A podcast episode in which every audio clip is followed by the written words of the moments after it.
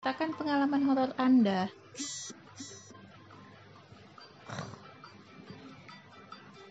Em, Ayo apa? kan kan hari ini tuh hari Jumat, Mm-mm. deket weekend. Mm-mm. Berarti kalau weekend itu karena nggak ada pasangan, berarti jadi horor. Ya dong. Hah, hah, hah. Aku mau nangis. Tapi ada pasangan juga, aku nggak ke mana-mana. Karena PPKM. Eh sebelum sebelum ppkm memang aku pernah pergi. Aku banyak kan malam mingguan sama kamu tahu. Uhu. sedih banget ya sampai begadang sampai pagi tapi ya selama kita begadang tuh kita nggak aneh-aneh sih ya Aneh-anehnya mau ngapain, Anis? enggak maksud aku maksudnya kayak malam tuh takut atau apa gitu Iya sih. Sa- padahal Yang ada, yang di luar sana tuh yang takut. mungkin ya soalnya kita tuh kalau udah ngobrol tuh kayak nggak peduli lingkungan sekitar ya nggak sih mau dari semalam apa kalau itu lucu menurut kita ya kita ngakak aja gitu kan jadi mungkin orang-orang yang dengar kita ketawa malam-malam ini suara Bisa jadi sih, Nis. iya kan kayak apa tuh gitu mungkin kali ya insecure ya Ya, kita lebih horor dari apa yang dibayangkan. Iya jadinya. sih. Kalau ngomong-ngomong soal cerita horor tuh, aku ingatnya itu yang pas dulu ya SMK Hmm. itu eh, sempat bukber. Bukan aku lah yang lihat, tapi teman aku tuh kayak dia dia lihat katanya di atas genteng Hmm. ada Mbak Kun.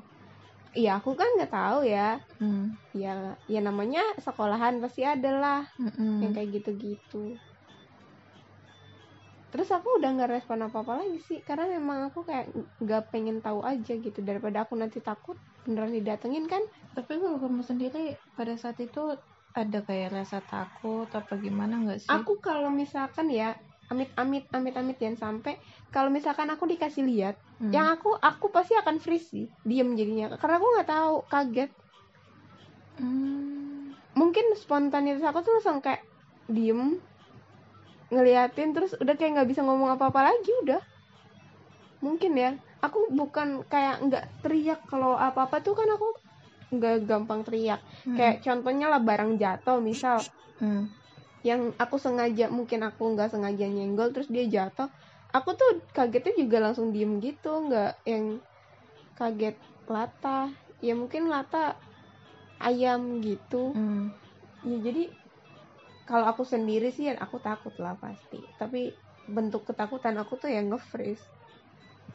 Hmm. jadi es batu. Kalau kayak aku sih waktu mau kalau nggak salah waktu mau lulus SMA sih itu aku udah udah daftar kuliah udah tinggal masuk. Kenapa? Jadi nggak tahu kenapa tuh kan aku habis dimarahin sama mamaku. Hmm. dimarahin mulu kamu ya? Jadi itu pas sekitar jam jam 6 sore apa udah mau maghrib lah. Iya. Nah di kawasan rumahku itu kan sepi termasuk lebih banyak kayak kebun-kebun gitu kan Mm-mm. sekitarnya. Nah jadi aku karena dimarahin ya udah aku kayak ke ruang tamu ngadep ke jendela ngadep keluar gitu. Jadi kayak emang pada saat itu pikiran aku kayak lagi emang kosong ngeblank kan. Mm-mm. udah. Nggak beberapa lama kemudian tuh badan aku tuh kayak dingin. Tapi dinginnya itu di sini nih. Dari telapak tangan sini. Sampai pergelangan. Nah pergelangan tangan sampai jari-jari. Ujung jari. Heeh.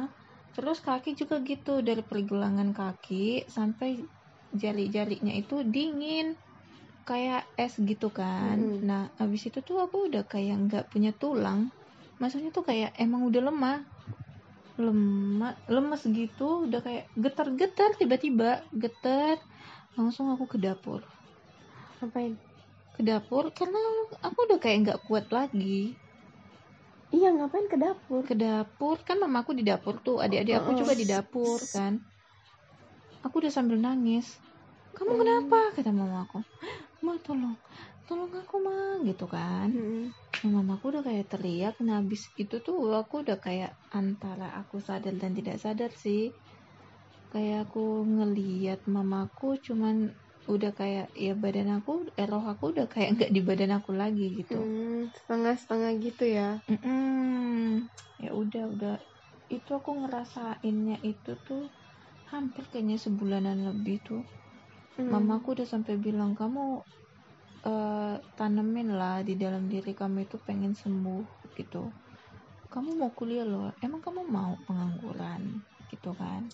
Ya tapi namanya juga ini ada apa kayak hal yang nggak disengaja gitu dan kita juga nggak mau ya ya sebenarnya sih dari jauh dari dalam hati kita kan pengen gitu kan. Iya Nah pada saat aku bisa kayak aku lagi ngerasain sakit kayak gitu tuh, aku tuh mudah marah satu. Nah dan yang kedua yang horornya itu, aku bisa ngerasain ada sesuatu, misalnya ada makhluk yang gak sama-sama kita tuh, Mm-mm. aku bisa ngerasain dia ada di sekitaran situ misalnya. Tapi aku nggak bisa ngeliat sebenarnya. Nggak bisa ngeliat tapi kalau ditanyain dia bentuknya seperti apa gitu aku bisa ngejelasin. Nah jadi secara matanya mata manusianya aku tuh nggak bisa lihat tapi mungkin nggak tahu mata apa itu aku bisa kayak kasih gambaran. Hmm. nah sesudah aku sembuh gitu udah ya sekarang nggak nggak bisa lagi tapi cuman bisa kayak ngerasain oh di sini ada kayak gitu tapi nggak sekuat yang kayak dulu Hmm. Aku memang mungkin aku bukan orang yang peka ya ke makhluk halus bahkan ke makhluk kasar. iya dong. Nah, terus apa ya? Aku tuh kayak ngerasanya aku cuma na- denger dari cerita-cerita aja. Yang aku Mm-mm. ngerasain aku takut bang- banget itu ketika ada gosip polling. Polling? Itu pocong keliling. oh oh Itu loh yang menghebohkan dulu di rumah aku tuh gitu. Mm-mm. jangan apa pokoknya kalau ada yang ketok tengah malam jangan dibuka katanya gitu tapi kan pikir lagi kan semakin aku dewasa tuh aku malah mikir lah kalau misalkan aku pulang ke Cirebon gitu kan nyam, naik kereta malam tengah malam nyampe sana terus aku ketok-ketok nggak dibuka dikira polling tuh gimana gitu rasanya. Nah, terus polling tuh kan tangannya diikat. Dia ngetok pakai apa? Hmm. sempat tidak terlintas kalau ketok-ketok pocong kayak gitu ketok-ketok tuh tangannya kan diikat kayak kepala kali. Apa nggak sakit ya? Kan dia udah mati. Jadi dia rasa sakitnya udah nggak ada. Iya juga sih. Lah tapi kan gini ya. Kan katanya kalau makhluk halus itu bisa nembus. Hmm. ngapain dia ngetok? Iya ngapain dia ngetok? Yang- iya nggak sih? Iya kan? Buat apa dia ngetok? Tinggal masuk aja nggak? Wah, ngabis ngabisin waktu dan energi dia nggak sih? Iya apa mungkin cuman gosip doang kan? Mungkin yang makanya semakin kita semakin punya pikiran yang logikanya mateng itu ya kayak makhluk halus itu gitu. kan ke tembok aja bisa ditembus. Nah ngapain pintu diketok nunggu dibuka gitu baru bisa masuk. Oh berarti dia masih setengah-setengah kali setengah pocong. Iya juga atau masih newbie newbie newbie pocong gitu kan. Jadi kekuatannya belum full. Iya masih di itu ya kalau kayak apa masa apa tuh kalau pegawai baru? Masa, masih training. Ah masa training dia tuh. Nah kalau dia ditolak gimana tuh ya? Nggak diperpanjang. Jadi pohon pisang dong. Kan serem lah harusnya kan harusnya serem perkara ya Allah perkara hantu ngetok aja kita jadi panjang lah kan namanya loh nah Ngapain terus coba? nih ya kalau Mbak Kunti hmm. dia pakai dress putih Mm-mm. kapan dia jahit kan kalau meninggal itu kain kafan cuman dibungkus nggak ada jahitan apa jangan-jangan yang meninggal jadi kunti itu bukan orang muslim yang pakai baju tapi kan nggak semua pakai dress putih kan Iya. Dan tiba-tiba aku jadi merasa ngeri dong. Kita cerita gini kok ada suara ambulans ya Tuhan. kan kita dekat persahabatan bos kamu tutup pintu kamu kan Tapi ya udah jadi serem sih Jier beneran Gegara sirena tuh.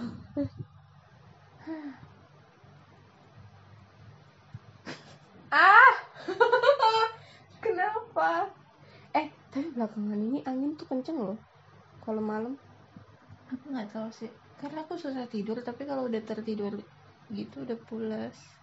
suka itu kan kita di atas nggak genteng kan Hmm. jadi kayak suara kalau ada angin tuh kayak berasa dia ikut terbang-terbang tuh kan berasa gitu Aku ngerasa itu kucing loh selama ini. Kucing apa tikus gitu. ya ampun rajin banget ya kucing ngapain coba di atas genteng Makanya aku aku selalu mikirnya tuh ngapain lah si kucing ini di atas genteng. Maksudnya tuh nggak capek apa selalu main-main gitu loh. iya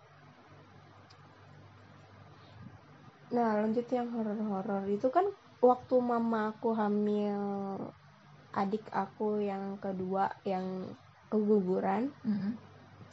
jadi waktu itu tuh aku ingetnya eh, Ipul lagi sakit jadi harus ke tukang pijit Mhm. ke ngurut Ipul nah mama kan pasti lagi hamil terus dia lupa bawa gunting kuku atau apa gitu Mhm. pisau yang ditempelin ke badan dia supaya nggak diganggu sama makhluk halus katanya pulang-pulang nggak besoknya apa dia langsung keguguran tau nggak percaya nggak percaya kan jadinya nyambung nyambungin dong Iya, iya.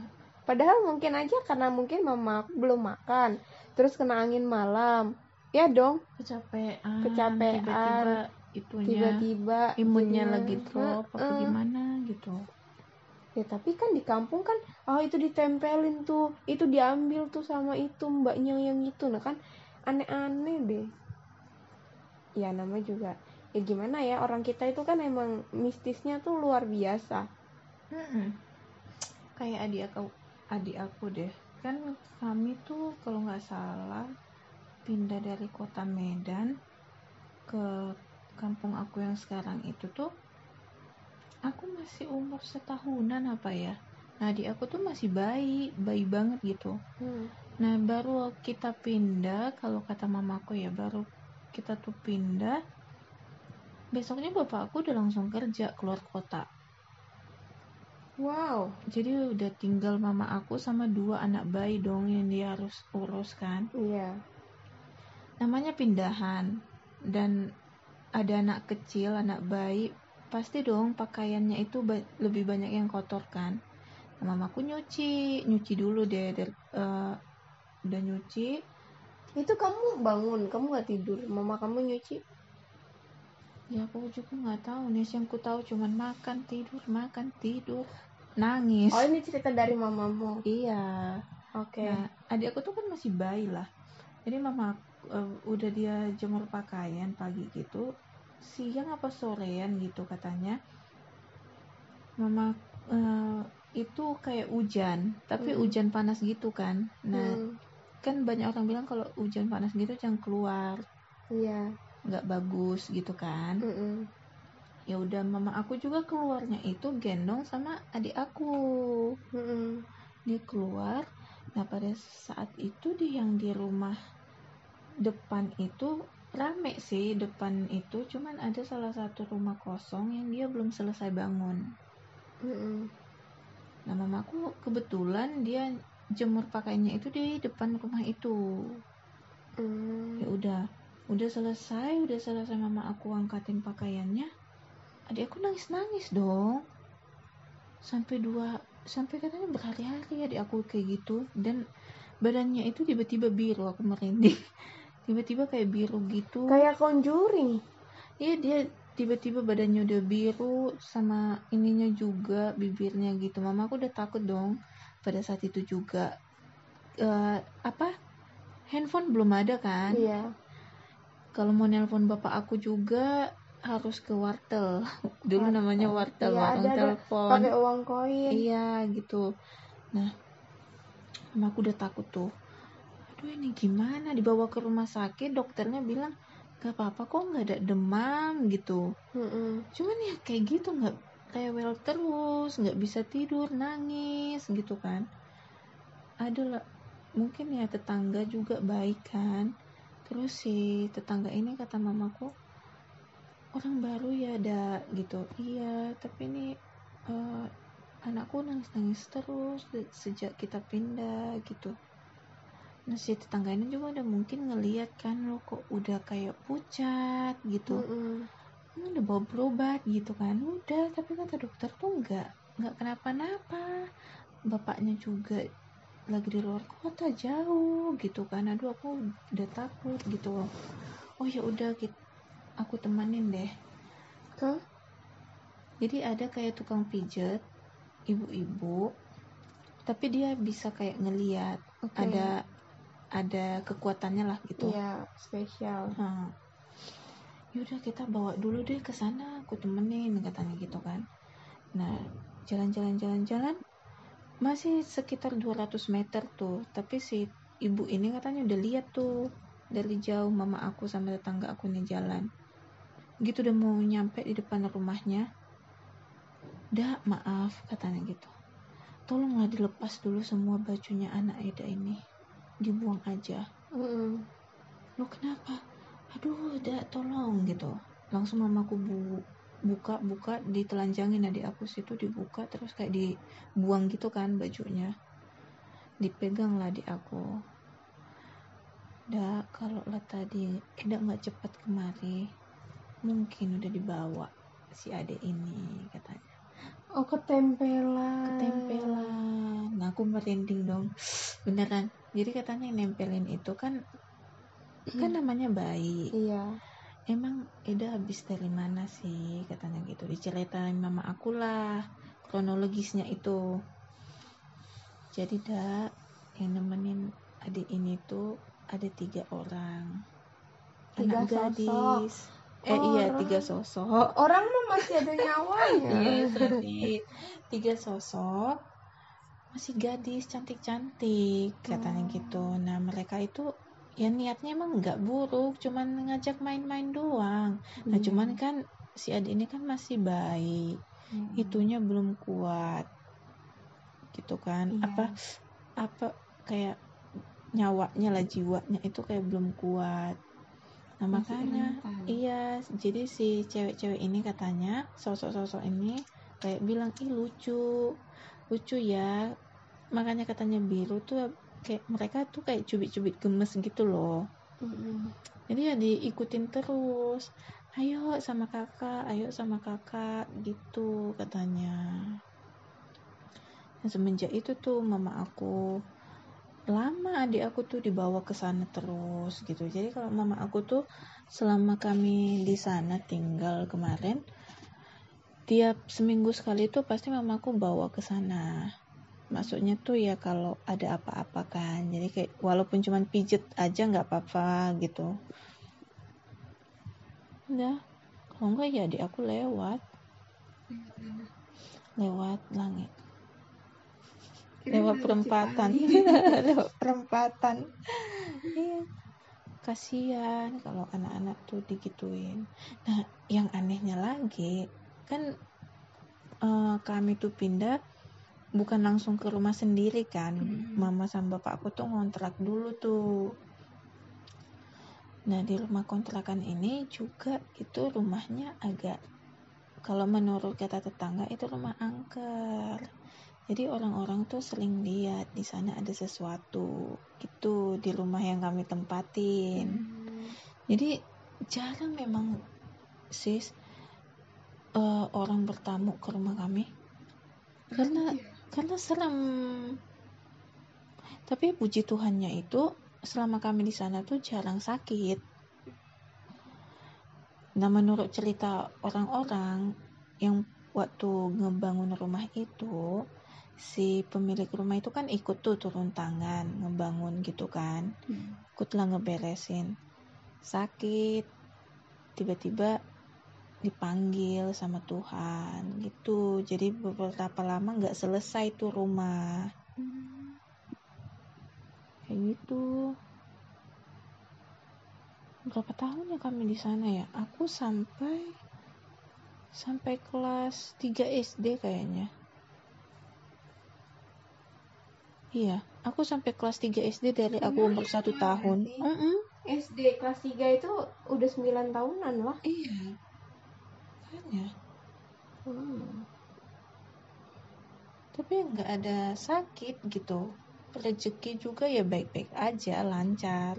Tapi gini ya ini mungkin nggak ada urusannya sama eh, horor-horor gitu ya. Aku kan termasuk orang yang pindah-pindah itu nggak banyak kan. Pas di Jakarta doang gitu. Dulu tuh kan aku tuh jangankan pindah kayak nginep aja di rumah temen aku ngerasa takut.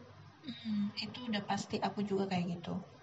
Eh, mungkin karena memang bukan rumahnya kita gitu kan dan kita nggak senyaman kalau di rumah sendiri. Tapi itu em, kadang takutnya tuh sampai bikin ya mungkin bikin nggak bisa tidur tidur nggak nyenyak. Terus pokoknya jangan deh itu kayak kita pengen bangkit dari kasur atau ninggalin orang yang tidur sama kita aja tuh kayak nggak berani Iya. Nah, nah kami itu tuh termasuk beberapa kali pindah kan Hmm. tempatnya karena satu juga kayak kerjaan bapaknya bapak aku gitu kan. Ya udah setiap aku ya, kami tuh pindah hampir seminggu dua mingguan itu aku nggak bisa tidur. Aku selalu nanya tuh sama mamaku, "Ma, kenapa sih aku nggak bisa tidur ya?" gitu. Iya, namanya juga kayak adaptasi kan sama rumah baru Mm-mm. gitu. Ya setiap aku pindah, eh aku setiap aku pindah, setiap kami itu pindah, pasti aku tidur bareng sama mama sama bapak aku. Karena aku takut gitu. itu yang aku kadang suka nggak kayak nggak mau kayak nggak suka jangan lah kayak stay di hotel aja. Hmm. aku tuh kadang susah tidurnya tuh karena ya memang ini bukan tempat aku gitu. Jadi jatuhnya begadang lagi. Padahal kan itu kasur udah empuk lebih empuk dari yang di kosan. Tapi kan ngantuk sih tapi nggak gampang tidurnya. Kecuali Iya. kalau udah capek banget gitu. Makanya aku dari dulu memang nggak suka nginep-nginep. Sama aku juga. Karena aku tahu aku nggak bisa cepet pules gitu di, di tempat baru. Iya. Jadi eh, kayaknya bakal ngerepotin orang lah kalau aku menginap. Aku mana aku kalau nginep kan ke kamar mandi harus ditemenin. Ih kamu nggak percaya aku tuh kalau ke kamar mandi dulu mamaku kasihan sih mamaku dulu tuh aku sampai SMP apa SMA ya setiap aku mau ke toilet tuh mau Hmm. tengah malam mau apa aku selalu bangunin mamaku Aku juga kok. Pas SMP aku udah enggak sih. aku SMP masih Karena gini rumah aku tuh dulu gini kar eh, kamu pernah kan ke rumah aku. Hmm. Nah, jadi di di rumah yang kamar mandi di belakang yang sekarang yang waktu yang gimana sih? Pokoknya kan kamar mandi di Hmm. sampingnya kan eh, WC tuh. Mm-mm. Di sampingnya kan ada tempat buat Hmm. nyuci. Nah, di situ tuh tadinya pintu Mm-mm. nyambung ke rumah belakang. Nah, rumah belakang itu yang di tengah pintu yang di tengah-tengah itu tadinya itu bagian apa ya? Ibaratnya kayak bagian belakang rumah. Hmm. Jadi kayak masak, kamar mandi, di semua tuh di situ. Nah, dulu itu kan kalau orang rumah zaman Belanda tuh gimana sih kan tinggi. Jadi ke atasnya itu sampai genteng tuh nggak ada kayak gini apa Hmm. namanya gipsunnya atau apa gitu nggak ada. Terus Nah, udah mah tinggi, gelap lagi kan. Nah, kan kalau masuk ke atap atap yang ada rotan apa? Itunya lah pembatas kalau yang di dalam rumah itu ada giniannya nih. Kelihatan tuh dari belakang. Beda aja dulu tuh aku kalau pipis di situ aku, jangan yang paling kasihan tuh kalau aku udah kebelet bo boker terus udah tengah malam kan sering ya karena makan banyak malam-malam. Itulah makanya aku nggak suka apa suka nggak dibolehin makan malam-malam. Nanti tuh kalau pengen pup malam-malam tuh ngerepotin soalnya. Jadi suka aku bangunin mama mama duduk di belakang. Ya kan mama juga takut ya. Mama kan juga takut. Tapi mungkin mama nggak mau nunjukin ke aku. Ya udah jadi kayak ada suara apa tuh? Mah lagi. Aku kan jadi kayak cross check lagi. Aku lagi sambil jongkok juga. Mah ya oh berarti masih ada. Ya udah lanjutin. Lanjutin. Terus sampai eh, akhirnya rumah itu di eh, kamar mandinya itu dijadiin rumah.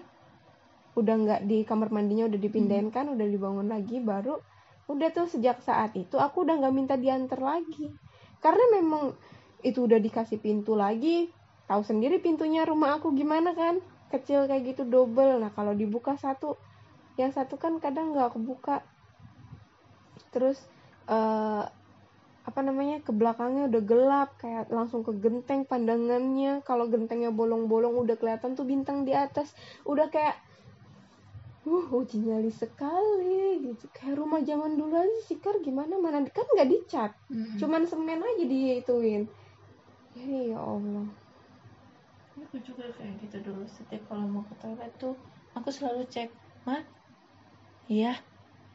Baru nanti lima menit lagi mah mah apa? Selesaikan dulu? Nah habis itu tuh kalau setiap aku habis pup atau pipis gitu kan ma aku di kamar kalian ya.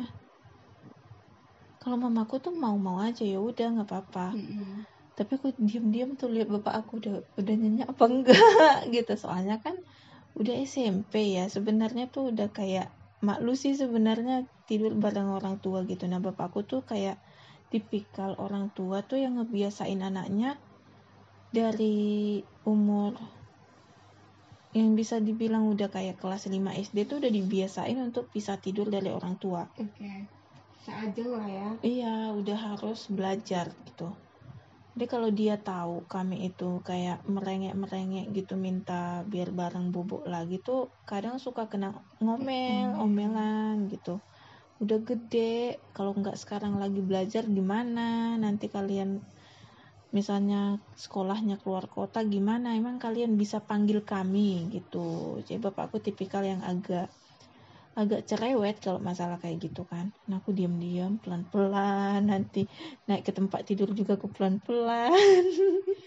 tempat tidur kamu dulu itu enggak sih kayak aku masih zaman Belanda banget sih Kar Iya kalau tempat tidur kalau tempat tidur aku bareng adik aku kan kan aku sama adik aku tuh tidurnya jadi masih tempat kalau tempat tidurnya kami tuh bertingkat. Jadi aku di atas adik aku di bawah kan. Nah kalau tempat tidurnya mama sama bapak aku tuh masih kayak dipan biasa itu loh nis. Dipan yang zaman zaman dulu yang masih kayak gimana ya? Kalau kalau pa- masih pakai kasur bukan bukan udah kayak sekarang spring bed. Ih, kalau Jadi aku kalau- dulu lagi tuh. Oh jadi kalau nah itu masih kayak masih ada bunyi krek gitu Iya. krek gitu. Kalau aku itu pakainya besi nah Oh, terus iya, tahu iya, kan eh, film horor-horor di Indonesia Iya, yang I know, besinya I sampai ke atas itu bisa dipakai di Iya, atas. iya. Nah, kayak gitu tuh dulu. gila. Serem banget makanya. Nah, kan itu tempatnya Uyut. Nah, Uyut akunya udah nggak ada, kosong lah tuh kamar. Aku kan inisiatif apa aku tidur situ aja gitu ya. Tapi kan dengan kondisi modelan kasur yang kayak begitu, aku naik, naik, aku naik, ngek, aku goyang dikit, ngek. Jadi kan pikirannya ke mana-mana. aku takut. Ada jadinya itu sampai sekarang udah nggak pernah dipakai lagi. Hmm. karena memang ya udahlah mendingan dibawa. Aku daripada kasurnya kayak gitu. Pakai dipannya kayak gitu. Udah zaman dulu banget. Mana dulu kan uyut. Aku kan kalau pas aku kan ingetnya pas uyut aku sakit gitu. Pas aku dipijitin uyut di situ memang masih bagus ya besinya bagus banget sih. Nah kan masih dikasih kain-kain putihnya itu Hmm. loh yang itu loh yang kadang bikin seremnya. Nah makanya kadang kalau aku nonton film horor yang masih ada kasur kayak gitu tuh kayak ngerasa horornya tuh beneran kerasa gitu kayak iya loh gue tuh ngeliat langsung kadang yang kayak gitu-gitu gitu. Mana karena mungkin orang dulu kan biar nggak digigit nyamuk. Iya biar ada ini kan nah kalau orang zaman sekarang ngeliat kayak gitu ya serem aja gitu. Iya agak tinggi. tiang-tiangnya tuh. Tiangnya juga tinggi. Pokoknya nggak ngerti lah. Oh itu ada di belakang di belakang itu tuh yang banyak barang-barang di situ disimpan. Makanya dulu aku tuh termasuk ya dibilang manja sih aku tuh nggak dimanjain juga cuma gimana ya? Manja tapi nggak manja gimana lah ya kayak gitulah. Ya diratukan sama orang tua tapi dibatasin juga gitu kan. Iya. Ada beberapa hal kami itu ya yang enggak ya syukurnya orang tua aku tuh bukan kayak orang tua yang terlalu ngikutin kan apa lingkungan sekitar Mm-mm. kan banyak tuh orang tua tuh lingkungan sekitarnya misalnya kayak keras sama anaknya gitu nah orang tua aku tuh enggak Mm. didikan mereka tuh beda gitu maksudnya jadi kami tuh termasuk kayak kalau tetangga bilang sih ya anak-anak mama sama bapakku tuh termasuk manja gitu Hmm. soalnya kayak mama aku sendiri aja ya kan dulu namanya tetangga-tetangga aku tuh sama mamanya tuh dari SD udah disuruh tuh nyuci gitu nyuci pakaian satu keluarga itu juga. SD Iya, Oh. SD. Itu juga nyucinya tuh nih bukan di kamar mandi sendiri, tapi kayak ke kali gitu loh. wow Ke kali pakai bawa pakaian nih namanya sekeluarga ya dan juga kan di sana tuh di kampung aku tuh termasuk lebih banyak itu mayoritas pekerjaannya mereka tuh lebih banyak petani kan. Otomatis kan pakaiannya itu jadi agak lebih susah dicuci dong pastinya. Nah pakaian mereka tuh banyak-banyak nih satu ember gede-gede atau bisa dua kali ember kayak gitu gede-gede dibawa ke kali. Nah aku sebagai orang yang nggak pernah nyuci jadinya kan aku ngerasa temen aku nyuci nih. Aku kok nggak pernah nyuci ya gitu Ses- sesekali teman aku bilang ya udah cuci bajumu sendiri aja gitu kadang kan aku namanya anak-anak ya nis lihat kayak seru gitu nyuci temennya gitu Ah, pikirannya Padahal kan temennya ini yang pengennya ya gue kayak maunya kayak lu nggak ngapa-ngapain. Nah aku sendiri aku pengennya ngerasain kayak gitu ikut nyuci gitu kan. Yaudah aku nyuci kadang aku bantuin lah gitu. Terus aku tuh saking aku penasarannya. Jadi pernah satu ketika kan mamaku tuh nggak boleh nggak ngebolehin nyuci ya. Aku alasannya itu buat apa kamu nyuci? Kotor. Ntar mama lagi yang cuci. Dua kali kerja gitu. Karena, iya gitu. Benar sih mama kamu emang simpel. Iya jadi mamaku tuh nggak suka dua kali kerja kan. Jadi aku karena temen aku mau nyuci nih aku diam-diam dong. Aku ambilin pakaian pakaianku aja yang aku ambilin. Aku ambilin dari tempat kotor. Aku ikut ke kali. Aku ikut ke kali. Terus pulang-pulang dari kali. Nah mama sama bapak aku juga ngelarang anak-anaknya itu mandi ke kali. Nanti takut apa ke bawah arus apa gitu kan. Jadi di- paling dilarang kami tuh main ke kali sih sebenarnya. Cuma ya namanya anak-anak dan teman-temannya juga kebanyakan mainnya ke sana ya gimana gitu kan. Rasa penasarannya juga tinggi gitu. Ya udah aku pelan-pelan aku bawa nah pulang-pulang. Kan basah. Rambut juga udah basah. Udah terus. Itu nyuci baju apa nyuci badan? Kan sekalian mandi-mandi gitu kan.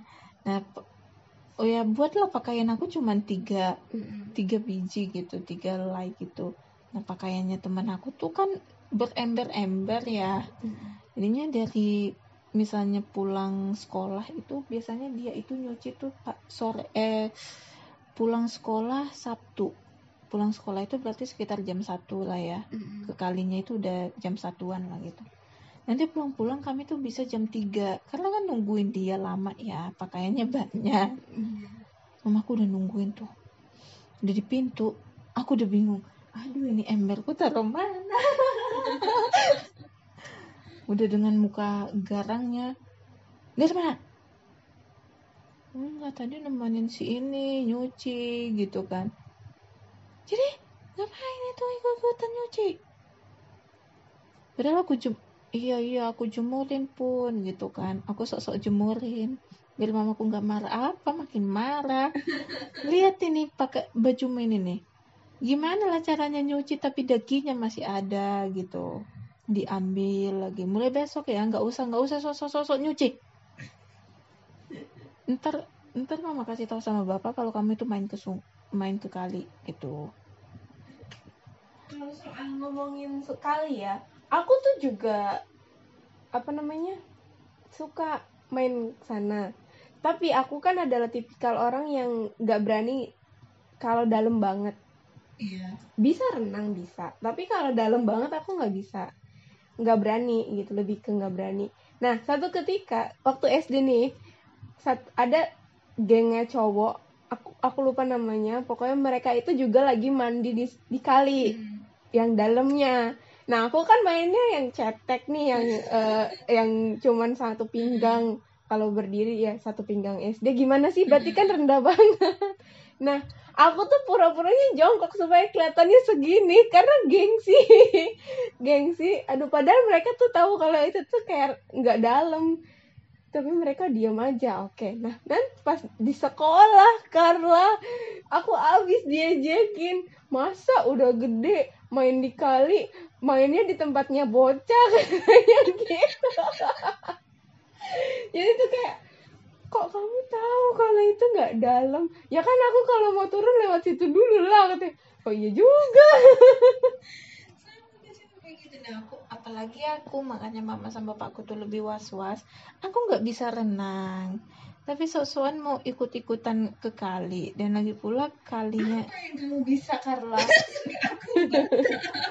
Naik sepeda nggak bisa naik motor nggak bisa renang juga nggak bisa. Sungguh merepotkan anda ya. Gimana kalau nanti kita ke kita pengen ki- kita sama-sama suka laut tapi kamu nggak suka renang. Nggak bisa renang sedangkan aku nggak berani kalau dalam. Kalau kamu kenapa-napa Nis tolong Nis. Karena aku takut kar. Ya jadi tapi aku tuh nggak bisa renang tapi itu kok rasa penasaran aku tuh tinggi kan? Makanya tetap ikut-ikut gitu. Udah tahu nggak bisa tapi sok-sokan.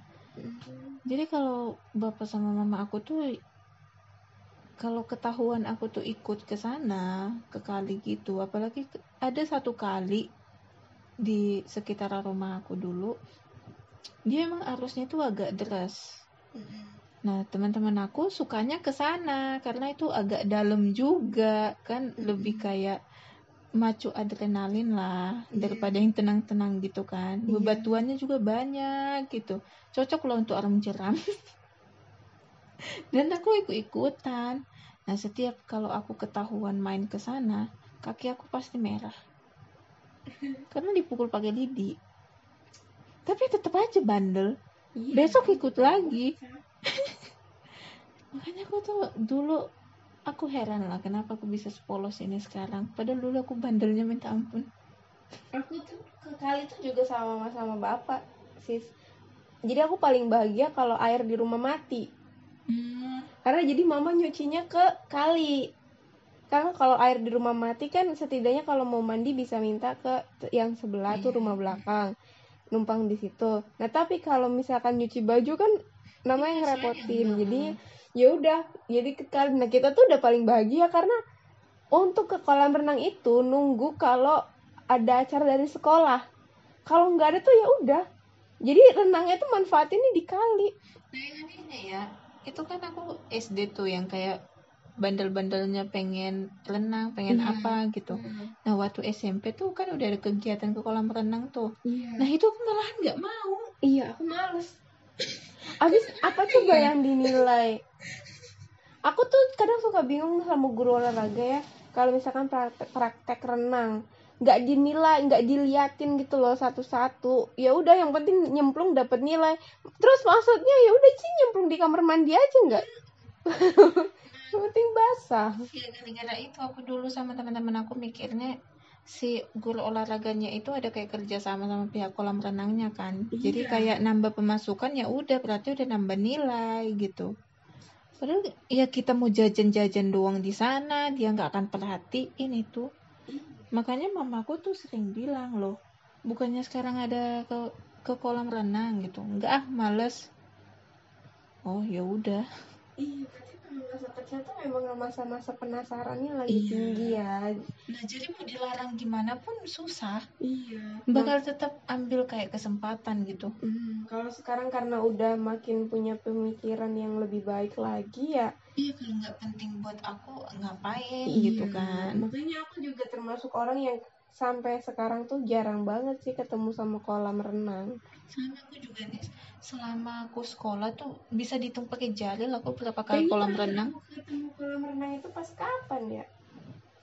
Pas acara lupa aku saking lamanya. Oh itu dulu aku masih eh masih sekolah berarti kar. Soalnya aku masih sama mantan aku yang dari PL itu iya berarti masih sekolah itu. Wow lama sekali. Dan kemarin adik adik aku dan ponakan-ponakanku habis berenang. Aku tuh paling apa ya paling nggak iri deh kalau ngeliat mereka renang tuh. Aku nggak deh nggak apa-apa mendingan aku nggak ikut gitu. Tapi kalau mereka makan-makan uh, udah. Aku yang paling ingat dulu SMA aku pergi kolam renang itu cuman bukan karena nilainya sebenarnya cuman karena kan kita udah ketemuan nih di sekolah Hmm. tambah nanti ada ekskulnya lagi di kolam renang kan jadinya nambah tuh ketemuannya. Dan lagi pula kan kayak yang aku bilang aku kan usil gitu. Jadi kayak kesempatan aja manas-manasin. Dan aku punya pengalaman buruk di waterboom.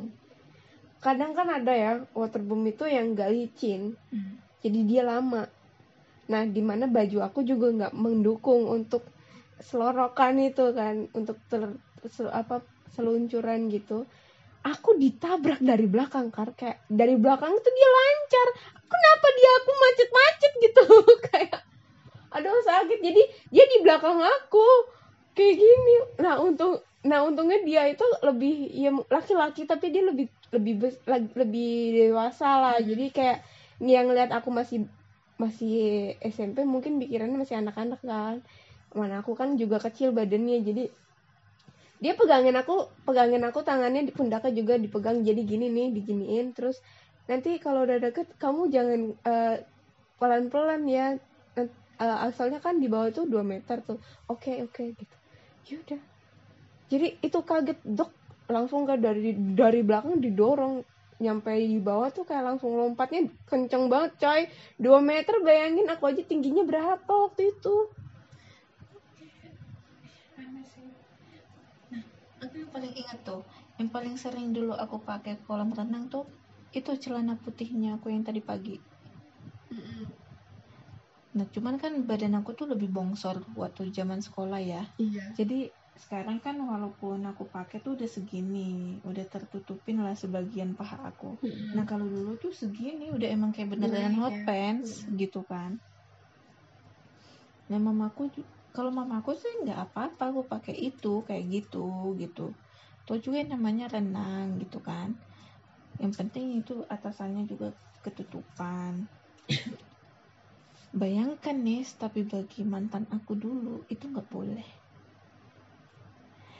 Jadi waktu kalau aku udah pakai itu matanya itu udah kayak udah kayak mau nerekam aja udah. Padahal ya namanya kolam renang. Padahal kayak misalnya kayak teman-teman yang lain tuh bahkan pakai kayak legging tapi yang yang ketat itu loh. Yang bahkan tembus pandang malah. Ya aku masih mending dong itu nggak tembus pandang. kayak yang kita temuin pas jogging Yes, dan it- nah itu juga yang di sininya itu masih kecetak loh nih sebenarnya bagian tengahnya itu masih kecetak. Jadi kan ya lebih memalukan sebenarnya kan. Nah Iya. aku tuh masih mendingan menurut aku ya ya cuman paha doang ya apalah arti sebuah paha gitu. Toh sama-sama kulit juga dan lagi pula menurut aku nggak ada yang menarik kok dari badan aku gitu kan. Nah, tapi tapi begitu orang tuh nggak boleh. Jadi jadi tuh nanti abis pulang dari situ dia beneran nggak mau ngomongin aku nih sama sekali nggak mau ditegur aja nggak mau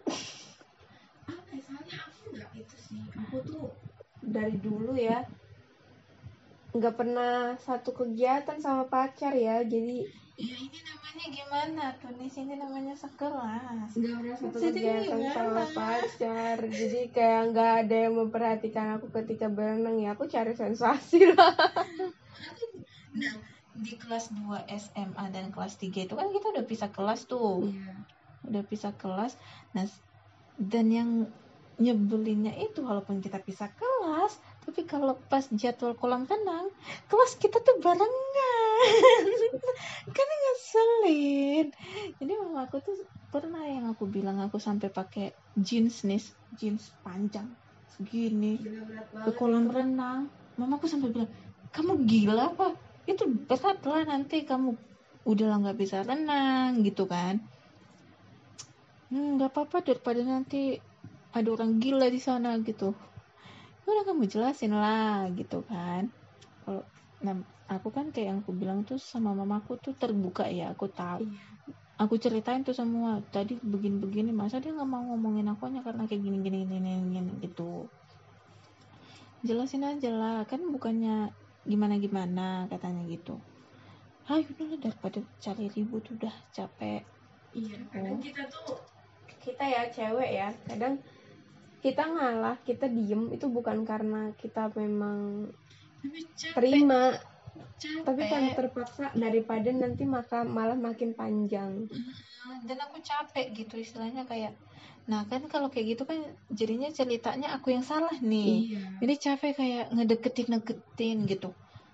Ayo lo maafin ayo lo maafin. Nah sementara aku kan nggak salah sebenarnya. Salahku apa salahkanlah kolam renangnya kenapa dia harus berpakaian yang agak ini gitu enggak sih yang agak Iya. lebih ringan agak lebih enak dipakai lah gitu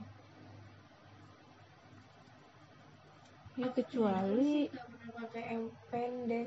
ya kecuali aku muslim ya aku kelihatan pahanya ya mungkin ya salah bukan Iya. mungkin lagi emang salah banget gitu Mm-mm. Nah aku kan non muslim dan lagi pula bukan yang ngebentuk semuanya cuman karena emang dia itu pendek doang celananya gitu tapi buat dia itu salah dan lagi pula atasannya kan aku pakai kaos yang berlengan lagi kecuali pakai tank top Gila ya. Kita emang horor banget itu. Lanjutnya ke mantan. Mantan kan horor ya. Mantan. sekali tuh mantan Ah mantan. ah mantan Udah 47 menit nih. Kita udahin aja dulu lah ya. ya Oke. Bye.